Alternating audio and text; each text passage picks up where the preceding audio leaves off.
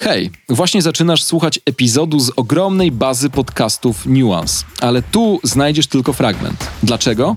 Bo całość jest dostępna wyłącznie dla członków Nuance Clubu, czyli miejsca, w którym znajdziesz tysiące podcastów, artykułów i materiałów wideo. Opisujemy w nich kulturę, społeczeństwo, technologię, sport, słowem wszystko, co może Cię zainteresować. Wejdź na Nuance Club i dołącz do klubu zorientowanych. Zaprasza Bartek Czarkowski. Partnerem audycji jest bank BNP Paribas. Przyznam szczerze, że sam jestem trochę zdziwiony obecnością Eltona Johna y, w Nuance Radio, ale no, y, Paweł Swanski wywołał temat Circle of Life, więc wypadało e, czyste muzyczne skojarzenie dziennikarza muzycznego. E, stąd ta obecność. Mam nadzieję, że ją wybaczycie.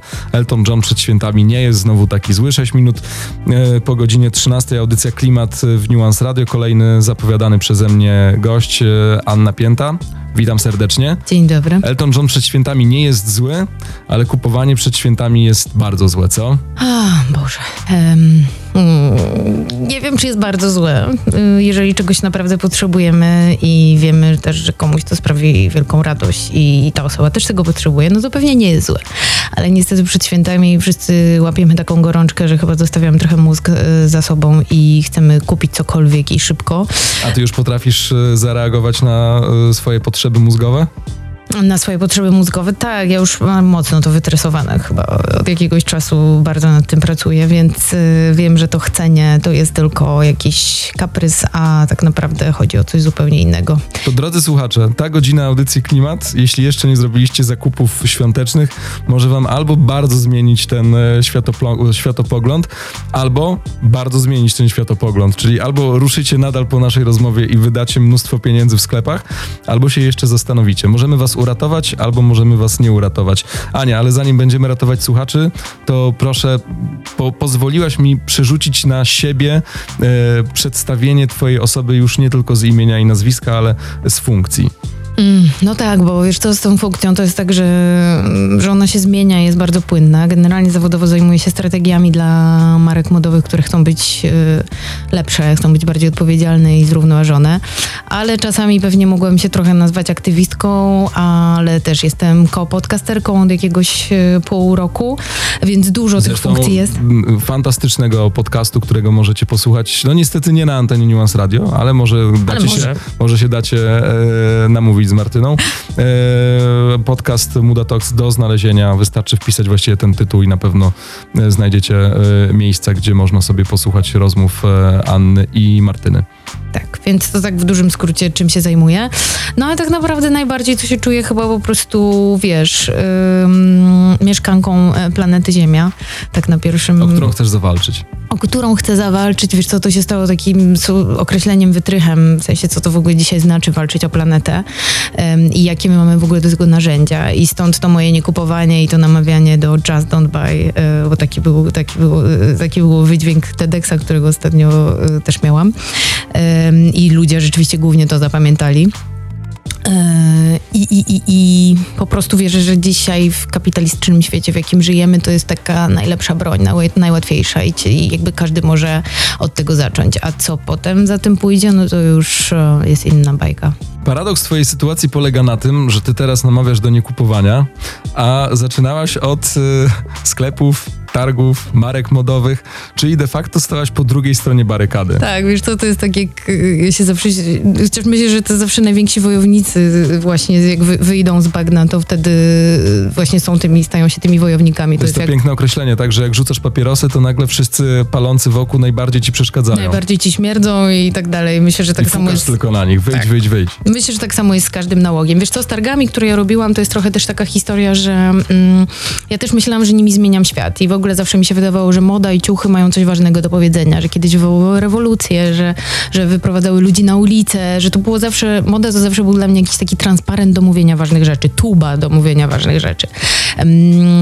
No ale ta moda po prostu przestała mówić ważne rzeczy i zaczęła mówić bardzo złe rzeczy, albo nawet nie mówić, a robić bardzo złe rzeczy.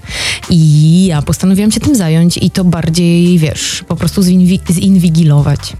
Na ASP byłaś na wydziale mm, zajmującym się modą, czy byłaś już na jakichś tam, nie wiem, sztukach, malarstwo, Bardzo rzeźba? dobrze się przygotowałeś. E, wiesz, wiesz, to ASP to są w ogóle stare dzieje, ale rzeczywiście to też ciekawe, bo to też jakoś zatoczyło koło w moim życiu, dlatego że mm, ja kończyłam edukację artystyczną, zajm- zajmowałam się krytyką i promocją sztuki, ale potem zostałam tam cztery dodatkowe lata jako asystentka w pracowni tkaniny. I tam robiłyśmy w zasadzie bardzo dużo rzeczy, które dzisiaj mnie też kręcą, bo zajmowałyśmy się na przykład robieniem papieru z, ze starych prześcieradeł, czyli tak naprawdę z odzyskiw- zajmowałyśmy się odzyskiwaniem celulozy z różnych um, A to był produktów. przypadek, tak? Że, że tak się stało.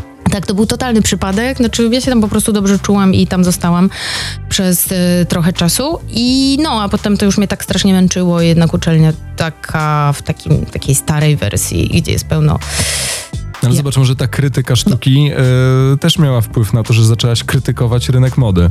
Może, wiesz, bo dużo, ale dużo rzeczy się od tamtej pory wydarzyło, bo potem się przeprowadziłam do Warszawy z Poznania i dzisiaj, teraz będzie już, e, skończy się dziewiąty rok, jak tu mieszkam.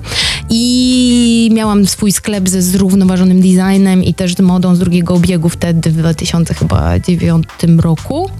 A jak przyjechałam do Warszawy, to nie mogłam znaleźć miejsca, gdzie mogłabym to sprzedawać, a w internecie to jeszcze jednak nie było tak popularne, nie miałam też A ktoś hajsu, w żeby... roku 2009 rozumiał w ogóle termin zrównoważona moda? Mm, myślę, że mój kot może.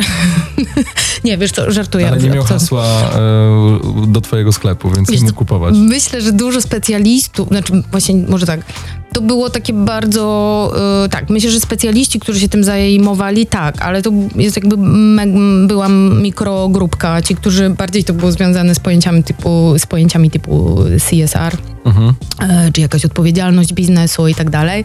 O zrównoważeniu to myślę, że mało kto wtedy w ogóle mówił. Nawet, nawet bym stwierdził, że w 2009 to mało kto mówił o odpowiedzialnym biznesie Pewnie jeszcze. tak, pewnie tak. Wiesz co, w ogóle z tym słowem zrównoważony jest o ty, ja mam o tyle problem, że to jest taki, mm, mm, takie przeciwieństwo do nienormalnego po polsku. Ja wolę mówić zdroworozsądkowy i właśnie odpowiedzialny, bo zrównoważenie powoduje, że dużo ludzi sobie to zrzuca z barków i mówi, ej, zrównoważenie, mm, wiesz, to są jakieś tam mm, strategie korporacyjne różnych firm, ja nie wiem w ogóle o co chodzi. Zwykle te raporty mają 500 stron, oczywiście każdy czyta 5, 500 stron raportu, każdy konsument i Oczywiście. konsument, wiadomo. Ja to robię po prostu codziennie rano wannie. Tak, A, i do, do. Ja snu. myślałem, i że do, snu. Obojętnie, generalnie po prostu nie odrywam się od raportów, wiadomo. E, I tak 500 stron to minimum, bo inaczej chodzę po prostu cała nerwowa, jak jest krótszy. E, oczywiście żartuję i po prostu chodzi mi o to, że właśnie mm, ja staram się odczarowywać to słowo, żeby ono nie było zarejestrowane tylko dla osób, które mają jakąś tajemną wiedzę. Nie, po prostu zrównoważony oznacza...